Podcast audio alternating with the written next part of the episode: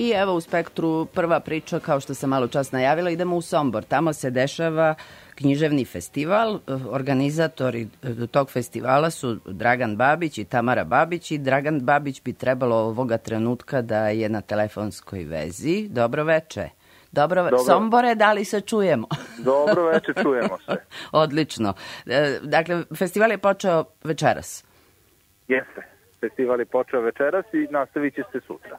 Dobro, šta ste pripremili Somborcima? Uh, pa večeras su je program imao dva dela. Prvi je bio dodela nagrade na konkursu za drugu knjigu autora do 35 godina, Aleksandru Tanurđiću, mladom piscu koji živi u Novom Sadu i radi u knjižari Most, koji je imao fantastičan prvi roman pre nekoliko godina ovaj, Usta mi puna višanja, ove godine je kod nas objavio zbirku priča i nakon tog svečanog čina je nastupio ovaj ležerni deo programa sa gostima uh, Radivojem Šetincem i Vladimirom Kupicom. A, tako reći doajeni. Tako reći da, doajeni, da. da, pošto prošle godine je bila mlada postava na festivalu, ove godine smo zvali doajensku. Dobro, i kako publika reagovala na doajene? Pa kao, pa kao što se na doajene i može reagovati. Hoću reći, jedan od njih je, ako sam dobro shvatila, tu pored tebe, je li tako? Jeste, trenutno. E, trenutno. pa bilo bi lepo da ga čujemo kako su, kako su e, njegova iskustva sa ovaj, publikom somborskom. Evo, jedan samo sekund. Halo. Halo, dobro veče. Vladimir Kopicl, ko ne prepoznaje ovaj glas? Dobro došao u Spektar sa, sa Somborskog književnog festivala. Kako je prošlo? Da. To prema mojim iskustvima sve što je trebalo zadovoljiti je zadovoljeno. Imali smo jednu nagradu čemu se svako raduje. Imali smo mi pisci nagradu, priliku da nastupimo pred brojnom i vrlo finom publikom. Ambijent je izvanredan, znači jedan otvoreni prostor u delu biblioteke namenjeno mladima, tako da smo se trudili pored svog godina i staža da sve to mladalački odradimo i tako je ispalo do kraja. Da, lepo, lepo. A sad ću, sad ću moliti da, da ovaj, mi vratiš Dragana Babića da čujem šta će Tako sutra da, da se Evo, dešava. Da. Samo moment između nas. Halo. Halo, tako je to kad koristite jedan aparat. Pa, ima, pa ima pauza. Šalov na stranu, dakle, čuli smo od vlade da je fino bilo večeras. Napolju se dešava festival? Napolju se, da. da. Pa to je praksa koju smo uveli pre tri godine. Nažalost, ova pandemijska situacija nam je pomerila festival 2020. sa maj sa maja tradicionalno na septembar i onda smo shvatili da bi bilo najbolje u tom trenutku to organizovati napolju jer su takve bile mere. I onda smo nastavili tu praksu jer je prijatno, mnogo prijatnije govoriti i čitati pred ljudima u tako ne, neposrednijem okruženju. Gde opet neko čuje sa strane pa zastane ili ode ili opet nek, ima neki drugačiji kontakt sa, sa, sa autorima koji su tu. Jasno. Ima publike? Hoću pa, reći, da, da Somborski književni festival se onako nekako dobro smestio u Somboru. Ovaj Znamo pa da eto, Somborci da. vole svoje pozorište, a očigledno vole i književnost. Pa eto, mi smo, to je bila jedna od namera festivala na početku da popunimo taj vakum savremenih aktuelnih glasova koji nisu jednostavno imali priliku da se predstave jer Sombor je grad onako više okrenut tradiciji jednostavno tim nekim da, da, pre, pre ponosan na, na svoju tako tradiciju je, kulturnu, tako da, da. Međutim, međutim, savremena književnost je ono što se dešava u našem trenutku i sa nama danas, tako da je to eto bila jedna od naših namera i nadamo se da uspevamo u njoj. Ja rekoh da festival traje dva dana, odnosno dve večeri. Evo, čuli Tako smo je. šta je bilo večeras, a šta je planirano za sutra? Za sutra je planiran zajednički nastup e, mlađe postave u odnosu na današnju, e, koju su trebalo i da čine Sonja Veselinović i Dejan Aleksić, međutim Dejan Aleksić neće sutra nažalost biti gost Sombora iz privatnih razloga, te smo mi e, posegnuli starom dobrom idejom useju svoje kljuse i e, sutra će se somborskoj publici zajedno sa Sonjom Vestelinić predstaviti somborski autor Branko Ćurčić, koji je prošle godine imao jedan zapažen roman i koji je i još jedan od tih ljudi koji zaslužuju pažnju savremene kritike i savremenih čitalaca. Apsolutno. E, e, hvala na ovom javljanju. Ja vam držim palčeve. Meteorolozi kažu i sutra će biti lepo vreme, tako da pretpostavljam da ne bi trebalo kiša da vam pokvari raspored dešavanja. Nadamo se. Da, nadamo da. Se. A o, e, svako dobro svima koji učestvuju bilo kao organizatori ili kao publika u, u ovom lepom događaju. Uvek je, uvek je lepo kada se ljudi animiraju oko kulture, u ovom slučaju kad, o književnosti je reč konkretno. Tako je. Hvala, hvala na uključenju. Dakle, za Spektar govorio Dragan Babić, jedan od organizatora Somborskog književnog festivala koji se dešava u tamošnjoj biblioteci Karlo Bjelicki, zapravo u dvorištu tamošnje biblioteke. One, two, three.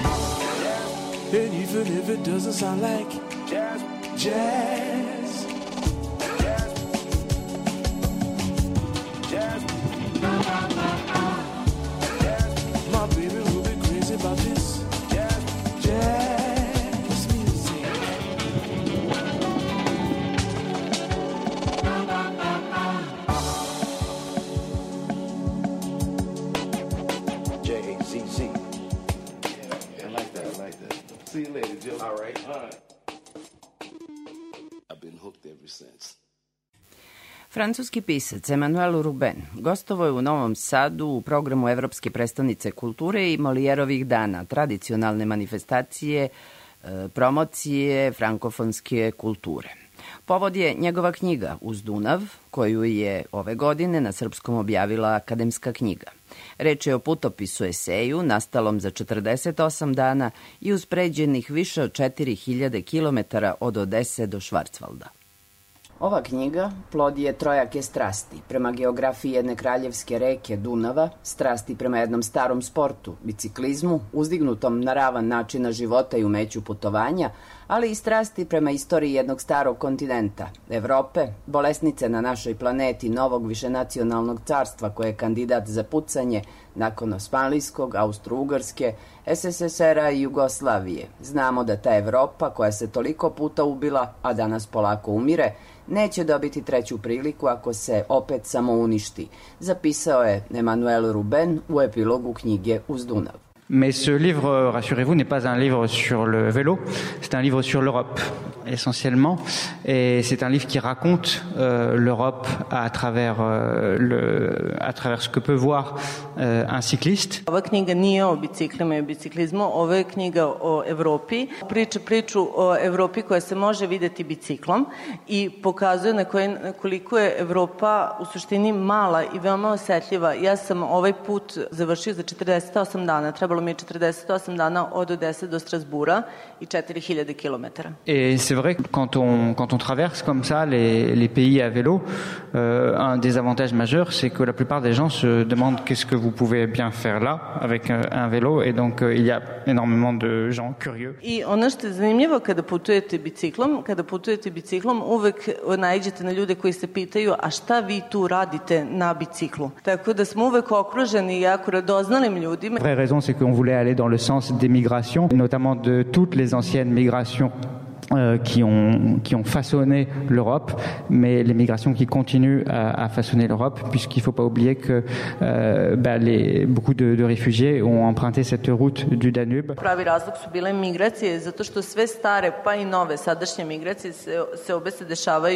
Ta, upravo tako uz Dunav i ne treba zaboraviti da i sadašnje izbeglice idu upravo istim tim putem uz Dunav ka zapadnoj Evropi. E sad, jedino što sam ja seo na bicikl, ali sam želeo da osetim kakav je osjećaj putovati sa te strane Dunava. Za putopis Esej uz Dunav, Ruben je nagrađen mnogim nagradama u Francuskoj. Izuzetno obrazovan pisac, tom knjigom sačinio je omaž velikim evropskim književnicima iz Podunavlja, među kojima su i naši Milorad Pavić, Ivo Andrić, Danilo Kiš i Aleksandar Tišma, sa čijim se stvaralaštvom upoznao u Novom Sadu.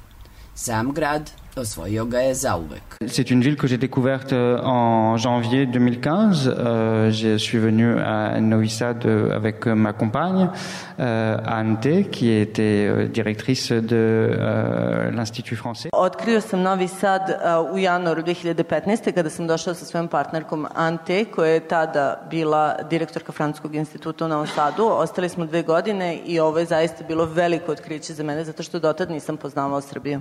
Mais c'est vrai que la première impression que j'ai eue de Novi Sad, qui était en plein hiver, la nuit, euh, en février, a été euh, au départ un petit peu... euh, en plus, on arrivait de, de Belgrade, qui est quand même une ville très différente. Et j'ai eu l'impression d'être catapulté au début dans une petite bourgade hongroise. Mi, ali moram priznati da prvi utisak koji sam stekao u Novom Sadu, to je bilo zima, noću, mrak, februar. Pristigli smo iz Beograda, koji je ipak drugačiji grad i mislio sam da su me bacili u neko mađarsko selo. Mais heureusement, mon impression a changé progressivement et euh, je me suis mis à aimer euh, Novi Sad, notamment grâce au Danube, grâce à son architecture euh, hongroise du, du, du centre-ville et notamment de Podbara que je trouve euh, très belle. Sa sreće, taj prvi utisak se vrlo brzo promenio i počeo sam da volim Novi Sad najviše zahvaljujući Dunavu i najviše upravo toj a, specifičnoj arhitekturi koju nalazimo na Podbari koja je izuzetno lepa, a ja sam Parce que je crois que Novi Sad est une ville qui entretient avec le Danube un lien très fort, très particulier. Euh, J'ai l'impression que c'est vraiment une ville qui est comme sortie du Danube, euh, contrairement peut-être à d'autres villes qui se contentent de camper sur les bords du Danube ou à la confluence du Danube et d'une autre rivière.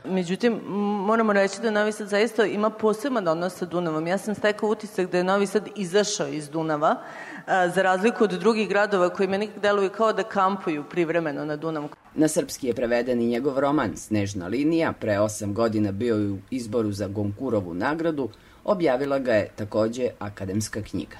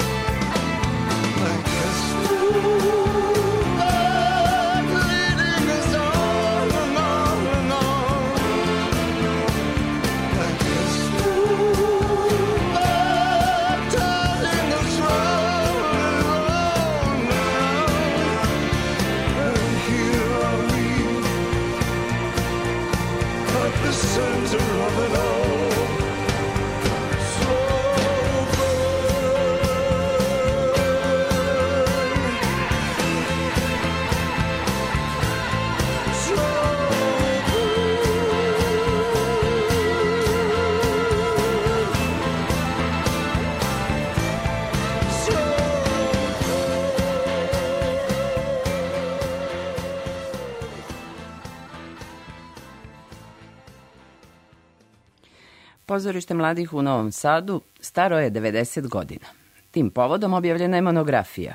O njoj govori upravnik Mihajlo Nestorović. Današnji dan je jedan od značajnijih dana svih nas koji živimo u, i radimo u ovom pozorištu.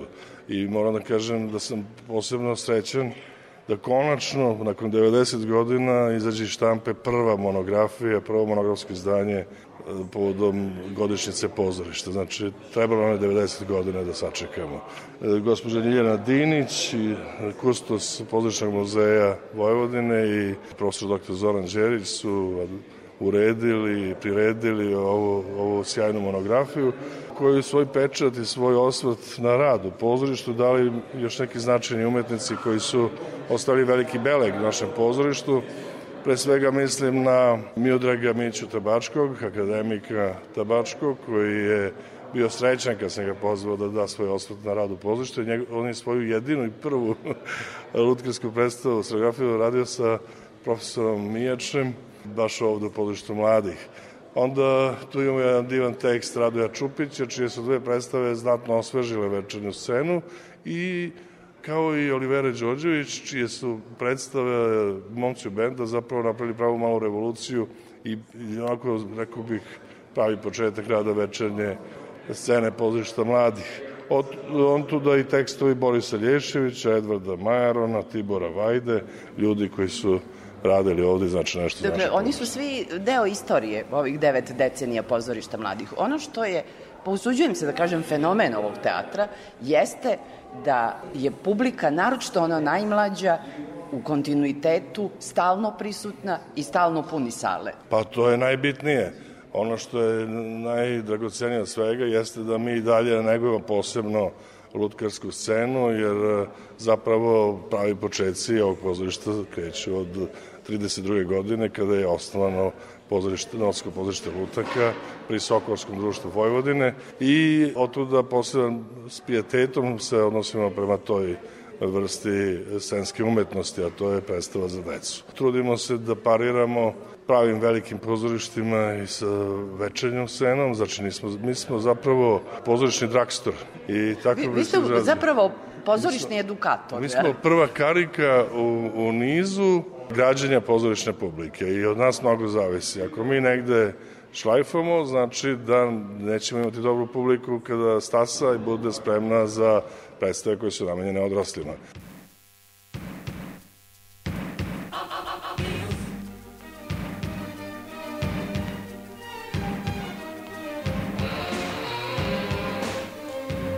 Iz pozorišta u film, tako je zapravo film Ne igraj na Engleze, reditelja Slobodana Pešića, od ove sedmice i u Novosadskom bioskopu Arena.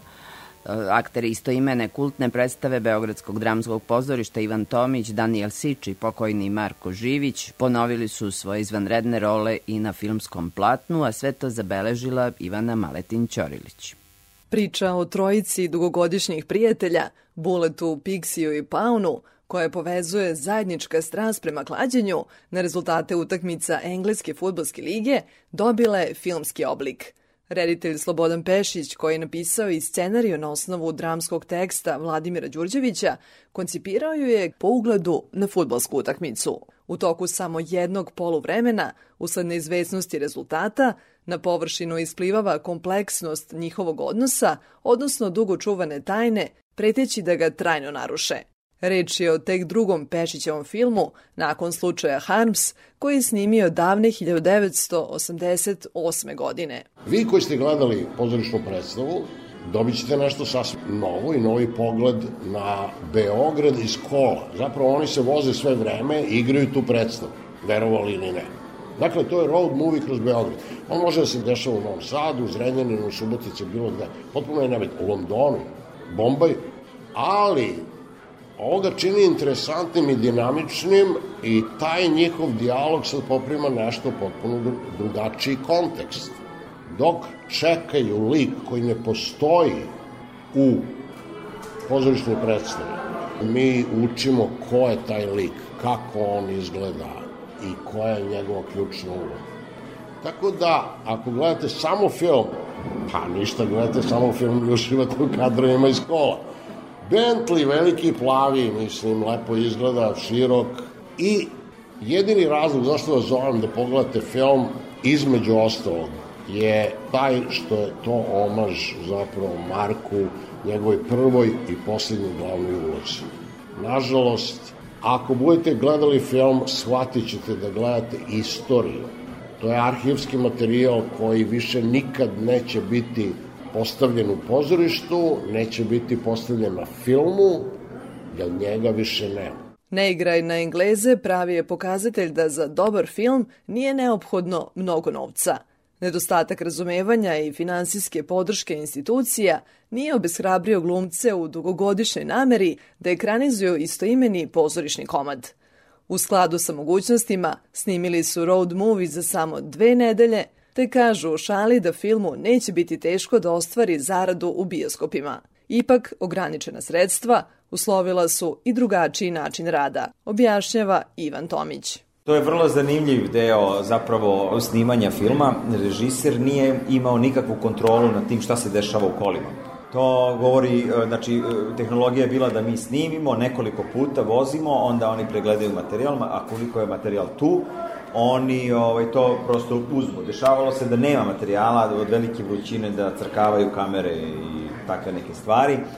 ali kada bi materijal bio tu, to bi bilo preuzeto. Zašto? Reditelj je imao veliko poverenje u nas da taj deo e, u kolima, taj odnos nas trojice, radimo mi. Prosto nije hteo da interveniše tu. To je odigrano 200 puta do tada.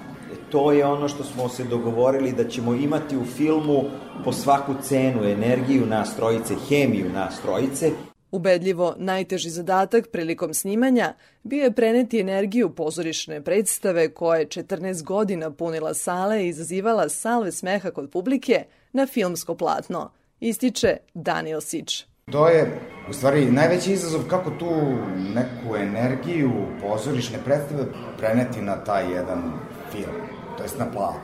Mislim, to su isti poslovi, samo što je stil neki drugačiji, tako da bilo je izazova i stvarno nas je zanimalo kako će to da izgleda onako, kad vam je kamera negde u oku kad ste jednostavno ono, na, na tom velikom platnu. Komedija Ne igraj na Engleze stigla je na repertoare domaćih bioskopa.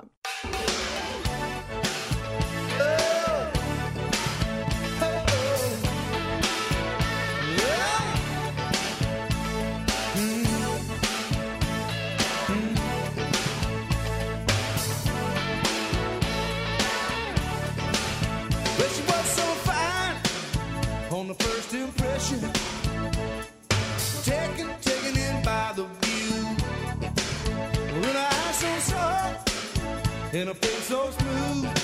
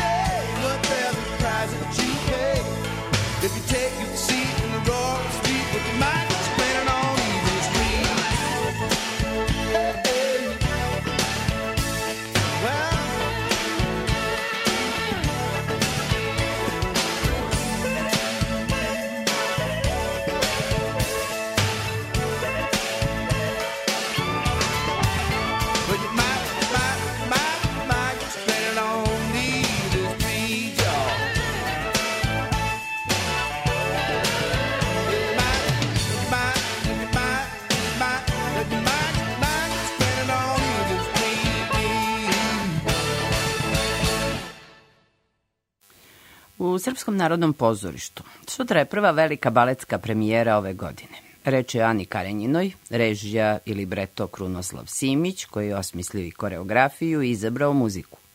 Dirigent je Mikica Jeftić, scenograf Saša Senković, a kostimografkinja Mirjana Stojanović-Maurić.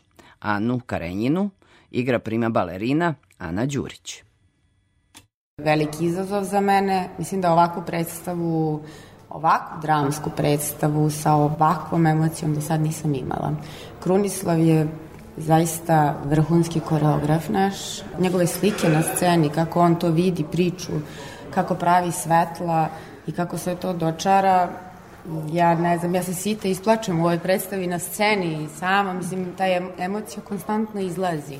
On je stvarno napravio odličnu priču i mnogo mi je drago što je imao poverenje u mene da ja to iznesem i što je verovao da ja to stvarno mogu da iznesem.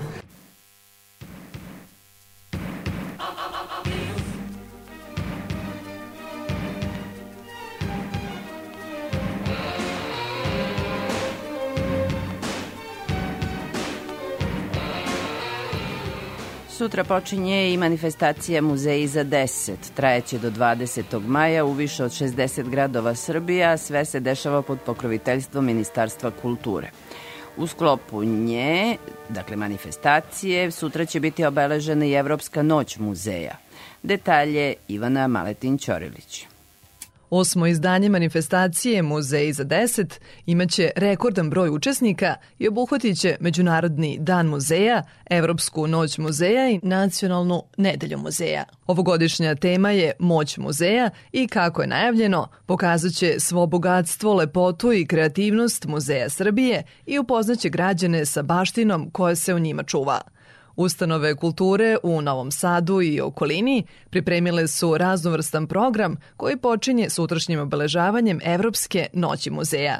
Kako će ona proteći u depadansima Muzeja grada Novog Sada, govori kustos Ivana Jovanović-Gudurić. Izdvojit ću dva programa na dve različite lokacije. E, to je svakako svečano otvaranje izložbe stogodišnjica od proglašenja Srpske patrijaršije koju Muzej grada Novog Sada realizuje u e, Patrijaršijskom dvoru u Sremskim Karlovcima, u jednom prelivnom zaista e, zdanju i arhitektonskom e, ambijentu.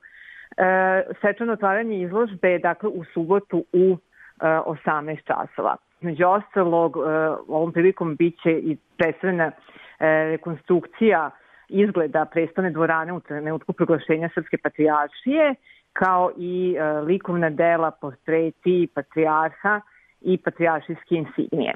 E, kada je reč o našem programu u Novom Sadu, u našem depadansu zbit strane umetnosti u Dunavskoj 29, e, izdvojit ću deče radionice od 17 pa do 20 časova. To su edukativne i, i kreativne e, radionice koje imaju za cilj upoznavanje i edukaciju dece u oblasti lokalne istorije. Noć muzeja u Muzeju Vojvodine biće u znaku izložbe tamo gde se oba završava od rimske Panonije do današnje Vojvodine. Objašnjava Ljiljana Kostić, viši kustos i pedagog. Imamo interesantne programe, to je teatrić e, od kućlema u Babine bašti koji je za decu od 4 do 10 godina jedna luckarska predstava i priča o otkriću dva para na rim, rimska pozlaćena šlema. Takođe imamo jedan muzički performans, Harp Lady, harfiskinje uh, Sofije Sibinović. Zatim, kroz izložbu će vas provesti autor kad magistar Tijena Stanković-Pešterac, izložba je tamo gde se oba završava, takođe koja priča o otkriću tri pozlaćena rimska paradna šlema iz četvrtog veka, koji su inače brend našeg muzeja i mi smo jedini muzej na svetu koji ima tri primerka. Galerija Matice Srpske u noći muzeja posebnu pažnju posvetit će najmlađima, kaže portparolka galerije Milica Milošević. U 11 sati će se održati kreativna radionica za decu e, Mali Novosađani biraju, upravo u znaku izložbe Novosađani biraju koja je otvorena u decembru u Galeriji Matice Srpske i prijave za tu radionicu roditelji mogu pronaći e, na našem e, sajtu. U 11.30 i 12.30 su dva termina koncerata klasične muzike za bebe i decu u parku skulptura ispred Galerije Matice Srpske. Takođe se roditelji mogu mogu prijaviti putem linkova koji su naznačeni na e, našem sajtu. E, uveče u 18 i 19 sati će se održati vođenja kroz izložbu Novosađani biraju, ali ovaj put e, kustos i kroz tu izložbu će upravo biti Novosađani koji su učestvovali u tom projektu zajedno sa upravnicom galerije Tijanom Polkovljević-Bugarski i sa koordinatorkom projekta sa mnom baš. I u 8 sati očekuje publiku koncert u Parku skulptura, takođe ispred galerije Matice Srpske. E, U pitanju je orkestar Aleksandra Duina. Manifestacija Muzeji za 10 počinje sutra i trajaće do 20. maja, a ulaz će biti besplatan.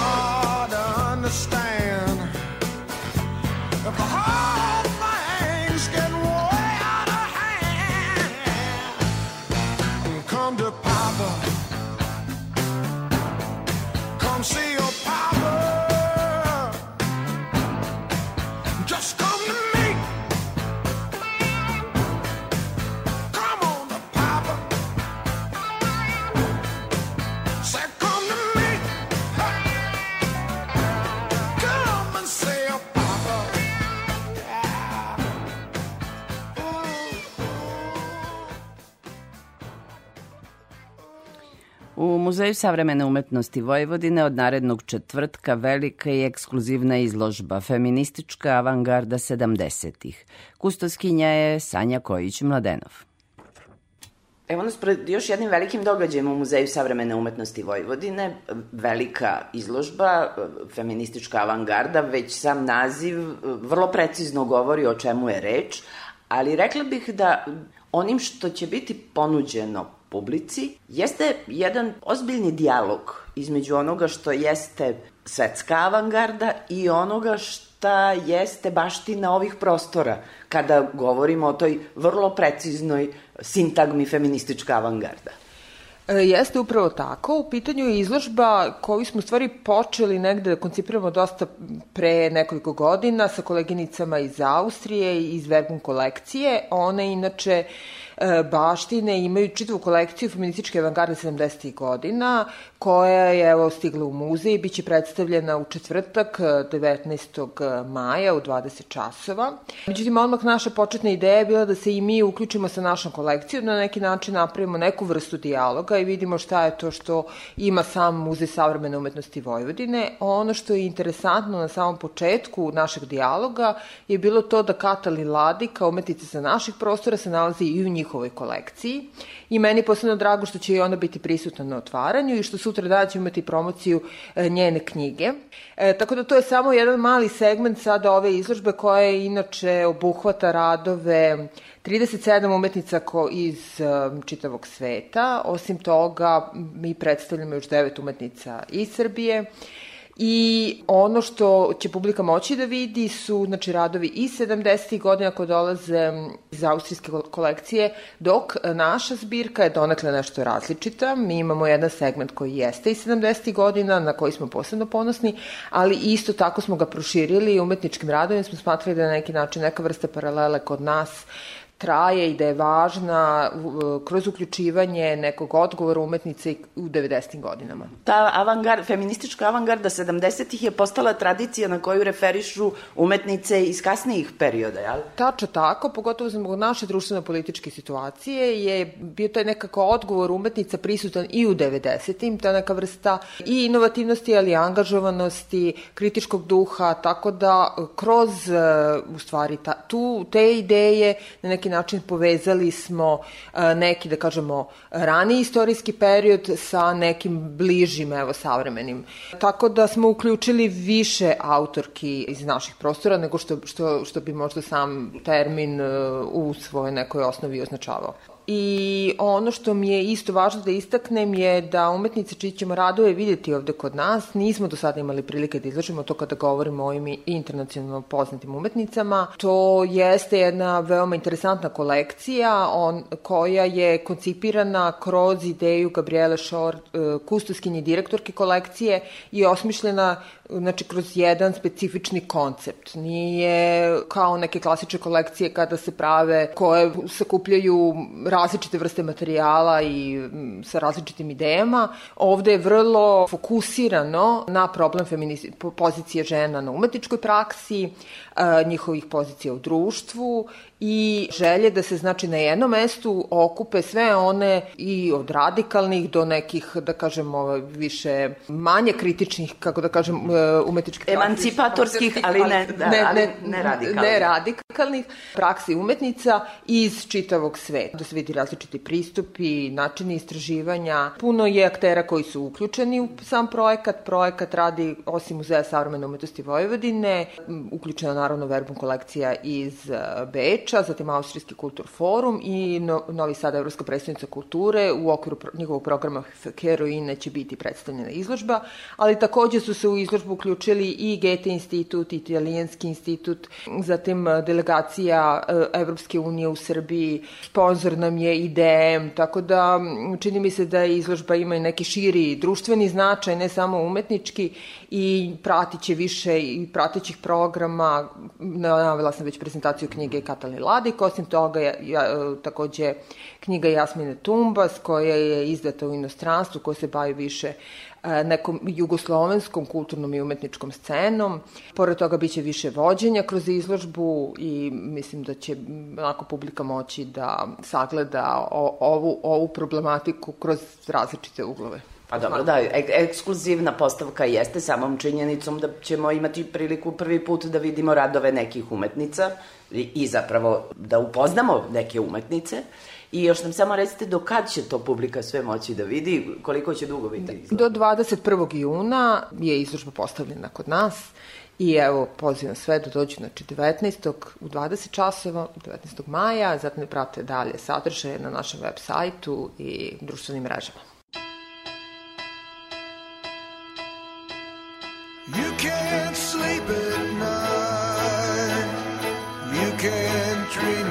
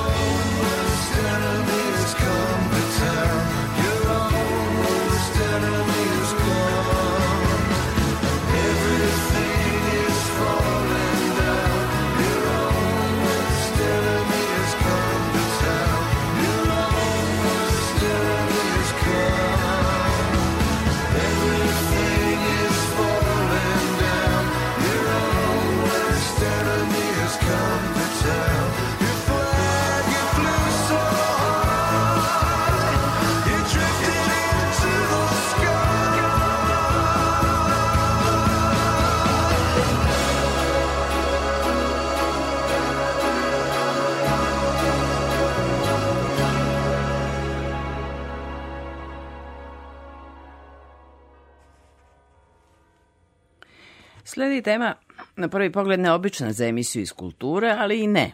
Ako se posmatra kao deo istorije i kulture svakodnevnog života koje je u temeljima današnjeg Novog Sada. Kako je pivo pod uticajem nemačke kulture došlo u ove naše vinske krajeve, koji su razlozi da se zadržalo u novoj kulturi zanatskog piva. Aleksa Crkvenjakov, tehnolog, bavio se u tekstu u časopisu Građa Pokrajinskog zavoda za zaštitu spomenika kulture upravo istorijatom Petrovaradinskih pivara. Sa njim je razgovarala Aleksandra Rajić. Kažete da je ova tema dosta neistražena, zapravo da je ovo dosta neistražen aspekt života Petrovaradina i vojne tvrđave. Ajde krenemo od toga kako je uopšte došao, došlo pivo u ove prostore. Tu postoji jedna dobro utemeljena onako istorijska i kulturna podloga.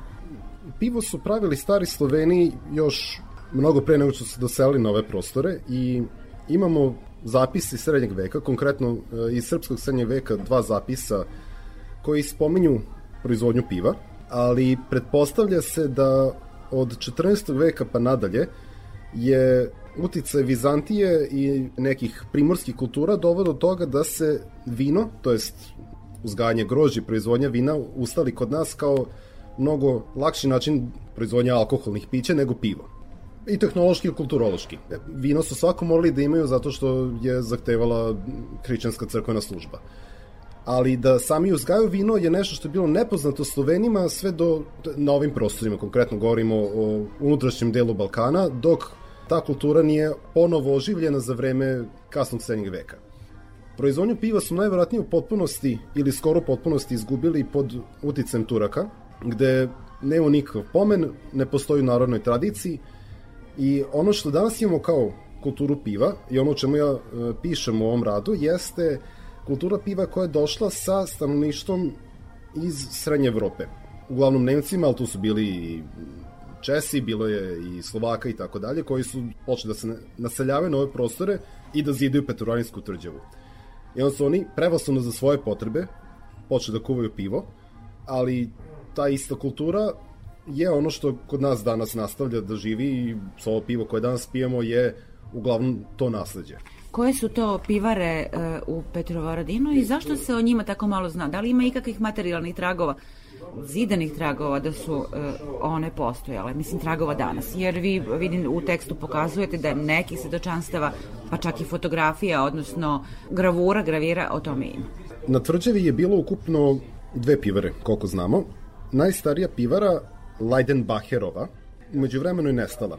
Ali prepostavljam da je na istom mestu sazidana pivara izvesnog Vurma i ta pivara će preživjeti narednih maltene 200 godina. Ona se nalazila otprilike na mestu na kom je danas restoran Balkan Express. Kad se pređe Varadinski most, krene desno, ide prema Kamenici i taj restoran će vam biti sa leve strane. Nije na istom mestu, Balkan Express je zapravo rekonstrukcija jednog mlađeg objekta koji je služio za smeštaj radnika železnice, ali jednom prilikom dok su izvodili radove na tvrđevi je jedan kamion upao u bivši podrum pivare koji je bio samo e, delimično zazidan od ozgo i tako su otkrili da podrum i dalje postoji i na starim mapama tvrđave mi znamo tačno gde ona bila. Druga pivara se nalazila u Starom Majuru, kad se izađe kroz Beogradsku kapiju, pa bi to bilo sa leve strane ovaj puta, ona je bila manja, nastala je kasnije i nestala ranije. Sredinom 19. veka je u tom delu grada izbio jedan požar u kom je nestalo, ako se dobro sećam, 20 kuća, između ostalih i ta pivara i ona prosto nije obnovljena i ostale samo ona Vurmova pivara koja se nalazila prema kamenici. Ono što se meni dopada u ovom tekstu to je da ukrštate zaista različite podatke koje ste našli u arhivima. Tu su i podaci o zakonodavstvu iz tog vremena, tu su neki dokumenti, neke slike, gravire. Na kakve ste sve podatke nailazili, šta ste proučavali, kako ste ih ukrštali? Jer tu ima zanimljivih čak i pravnih propisa o tome kako se proizvodi pivo. Arhivski dokumenti, da li su to zapisi koliko je akcize plaćeno, neka opomena pivarima ili naročit e, zahteve vlasti da se ovako ili onako kuva pivo su nam glavni izvor za ove stvari s obzirom da fizičkih dokaza imamo jako malo. S obzirom da je Petrovaradin potpadao pod komorsku upravu, on je i cela ova oblast vojne krajine je odgovarala direktno dvoru, a ne nekoj mađarskoj vlasteri ili nekome između. To nam donekle olakšava istraživanje zato što znamo ko je izdavao naređenja i kome su se podnosili izveštaji E, Konkretno za tvrđavu od velike koristi to što imamo sačuvane e, naplate akciza, gde mi na osnovu naplaćene akcize znamo koliko je koja pivar proizvodila piva. Dalje, ono što nam je isto jako interesantno jeste kad e, gradski magistrat grada Petrovaradina opominje pivare da oni moraju da se pridržavaju određenih standarda proizvodnje i, i tako dalje. To je sve država uređivala u to vreme. Tada je bilo sasvim običajeno ovaj, da lokalne vlasti propisuju kakav mora da bude kvalitet piva i koja će biti njegova cena, prodajna cena u kafanama. E, najpoznati primer toga jeste onaj čuveni e, zakon o čistoći piva iz Nemačke, koja ima ovaj, celu priču za sebe, ali sa obzirom da Petrovaradin, iako je on imao Nemce, on nije pripadao Nemačkoj, on je pripadao Habsburgskoj monarhiji, ono što bismo danas zvali Austrijom, i taj zakon koji je ono vreme važio na teritoriji Bavarske uopšte nije bio primenjiv u Petrovaradinu. Te stoga, koliko god to... Imali smo lošije pivo. Pa ne nužno, možda smo imali bolje pivo, ali po nekim drugačijim zakonima. Bila bi bolja reklama da smo imali možda taj zakon, ali smo imali neke naše specifične. Ono što je recimo još e, zanimljivo u ovom tekstu, to je dosta ženskih imena vezanih e, za pivarstvo. Kako to objasniti? Tradicionalno, a to govorimo jako dugo vremena, s obzirom da je pivo izuzetno star napitak, žene su bile te koje su proizvodile pivo. To se smatralo prosto nečim čime se bavi domaćica. Ona će, dok mesi hleb ili brine se oko dece, pristaviti na šporet jedan lonac piva da se kuva, dok tako se bavi drugim stvarima. Tek u poznom srednjem veku dolazi do promene gde pivo postaje nešto čime se čovek bavi komercijalno. I naravno kad počeo da donosi pare, onda su se muškarci ubacili i to od kasnog srednjeg veka postaje ono što mi danas smatramo muškim zanimanjem. Ali naravno nije bila oštra podela, nije se nago desila ta promena. I mi vidimo da recimo u našem slučaju u Petrovaradinu, kad je ovaj Wurm, koji je prvi osnovao tu pivaru o kojoj se najviše piše, on kad je preminuo, njegova žena je nasledila pivaru. I ona se obraća gradskom magistratu za pomoć. Sledeće saznajemo da se ona preudala i sa sobom kao miraz je donala tu pivaru. Uz dogovor sa tim svojim drugim mužem, da će njen najstariji sin iz prvog braka da nasledi tu pivaru i da nastavi taj posao. Još jedan detalj iz teksta e, je neobičan, evo za ovo što pričate, a to je da tvrdnja da se kultura piva ipak kao nije ukorenila u našim krajevima, ovom delu Vojvodine i da se pivo pije samo u, ako sam shvatila, u lošim godinama za vinovu lozu. Da, u pitanju je citat iz knjige Istorija Srema i Petrovaradina od uh, Franca Šamsa, koji je prolazeći kroz ove prostore napravio nekoliko zanimljivih beleški. E, on je po imenice spomenuo ove dve pivare o kojima pišemo i on ima taj komentar da je neobično što one tu opstaju. S obzirom da je vino ovde mnogo popularnije, makar tada bilo, nego pivo. Ta promena, recimo, da je danas pivo neuporedivo popularnije nego vino, prosto troši se u mnogo, mnogo većoj količini, je nešto što je u prethodno dva veka nastalo. Mi smo na ovim prostorima, uglavnom u tom periodu proizvodili pili vino i rakiju. Oni su tehnološki jednostavni za napraviti nego pivo i dok nije došla kultura ispijenja piva zajedno sa ranije pomenutim Nemcima i Česima i tako dalje, e, mi smo prosto pili ono šta nam je bilo poznato i blisko, to je bilo vino. Umeđu vremenu pivo je postalo i jeftinije i masovna proizvodnja ga učinila pristupačnijim svima, te stoga danas pijemo uglavnom pivo. Ali u ono vreme vino je, pogotovo jer je tu bila Fruška gora na kojoj su vinogradi bili na sve strane, bila podrazumevana roba za svakoga. Umeđu vremenu se svugde, naravno, govorimo o pivarstvu u Vojvodini, desila ta industrializacija, otvorene su brojne pivare, pre svega u Vojvodini, i zatvorene, odnosno prodate. Umeđu vremenu se desila, ja bih rekla, opet jedna kulturna e, revolucija, odnosno promena u kulturi ispijanja piva, a to je poslednjih godina ovo specifično zanatsko ili kraft pivo svugde, pa i u Vojvodini. Čini mi se, ovako spoja gledala, na to je jedna možda avangardna, ali jedna zamršena kultura koja donosi tu renesansu proizvodnje, kulture, ispijanja piva. To ste skroz upravo. E, jeste zamršeno, jeste ovaj, interesantno. To je jedan kulturni fenomen koji nam dolazi trenutno iz Amerike. U SAD-u su pre 30-40 godina počele da se javljaju ove male pivare koje prepoznaju kao kraft, odnosno zanatske pivare, koje su među vremenu stekle veliku popularnost i one su počele da se šire na druge zemlje koje su nazovimo tako, ostale samo sa industrijskim pivarama. Male lokalne ili regionalne pivare se po pravilu gase širom sveta, to smo i kod nas posvedočili. Vršačka, Zranjaninska, Bečetska pivara su ugašene i druge po ovaj, bivšim zemljama Jugoslavije, ali su neke pivare koje su bile veće, da li su privatizovane, su ostale državne, su samo postale još veće. I taj neki lokalni duh piva, to jest nekog lokalnog piva koji je možda bio... Se globalizovao. Da, se globalizovao ovaj, i postao je ono što mi danas uglavnom poznam kao pivo. Svuda ćemo moći da popijemo uglavnom jako slično, malte na istovetno pivo. To svetli lager koji je uglavnom od kukuruzne krupice, ovaj, 30% ječma sa manje više istim vrstama hmelja, će se naći u većini delova sveta. Da. Isto kao i McDonald's koji ćemo svuda moći da probamo da je ovaj, izuzetno, izuzetno sličan ili malte ne isti. A sad sa ovom pojavom zanetskih pivara imamo oživljavanje, nazovimo to lokalnog zanatstva, gde se mnogo lakše odgovara nekim lokalnim zahtevima za pivo, ukusima potrošača, i može da se javi mnogo veća raznovrsnost u kvalitetu piva i u stilovima piva, što je nešto što je ranije postojalo svakako. Recimo, lokalni ukusi su e, nešto što je ranije bilo dominantna stvar. Hmelj koji bi bio uzgan u okolini, neke naročite sorte hmelja ili ječam koji je rastao isto sasvim blizu bi bili iskorišteni, a ne hmelj koji u današnjem slučaju nama dolazi iz Nemačke ili čak iz Amerike zato što se ovde više ne uzgaja. Mi imamo mogućnost, pogotovo u Vojvodini, da sve sastojke nabavimo lokalno, zato što jedina preostala sladara za proizvodnju jačmenog slada u Srbiji je u Vojvodini, u Bačkoj Palanci. E, jedina ozbiljna, koliko god to bila i dalje mala, proizvodnja hmelja je opet u Vojvodini. I ono što je uspelo da preživi period tranzicije i ono što nadam se da će opet da, da će imati ozbiljnije pristup na tržištu jeste domaći hmelj.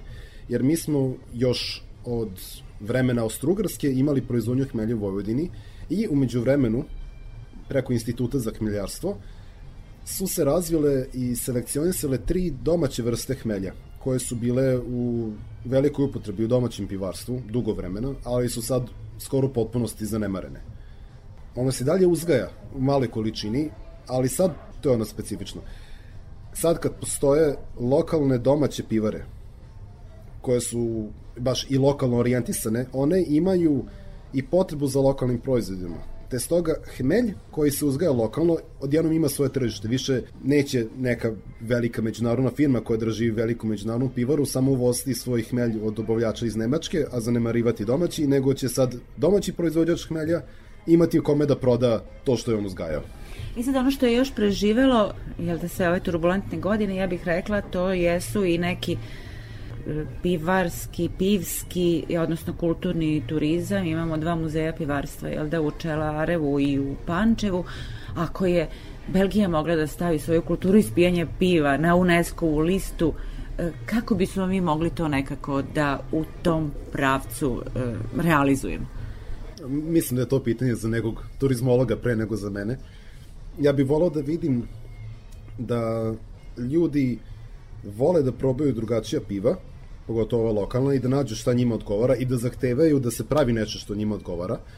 A sa druge strane volao bi da vidim da i proizvođači piva rade na tome da naprave što kvalitetnije, a što jeftinije pivo. Jer mi bismo na taj način mogli da izgradimo jako kvalitetnu i raznovrsnu pivarsku kulturu koja će zavrediti da bude spomenuta gde god i kome god. I, e, takođe bitno za pivsku kulturu ili pivarsku kulturu jesu festivali koji sad postaju sve popularniji kod nas, a i u svetu. Nekoliko divnih festivala se organizuje u Novom Sadu i u Beogradu svake godine i moglo bi se, ili bi makar ja volao da vidim, pojaviti festivali koji veličaju te e, prirodne procese oko proizvodnje piva kao što postoji grožđebal koji slavi početak ovaj, sazrevanja grožđa i cele sezone proizvodnje vina, isto tako možemo slaviti i period sazrevanja hmelja i proizvodnje piva sa u tom trenutku svežim sastojcima, krajem avgusta i u septembru. S obzirom da nema mnogo hmelja trenutno kod nas, možda bi bilo nategnuto tako nešto slaviti, ali onda opet A to možda bi, bi to bio i podstrek, to naravno. bi bio i podstrek za proizvodnju.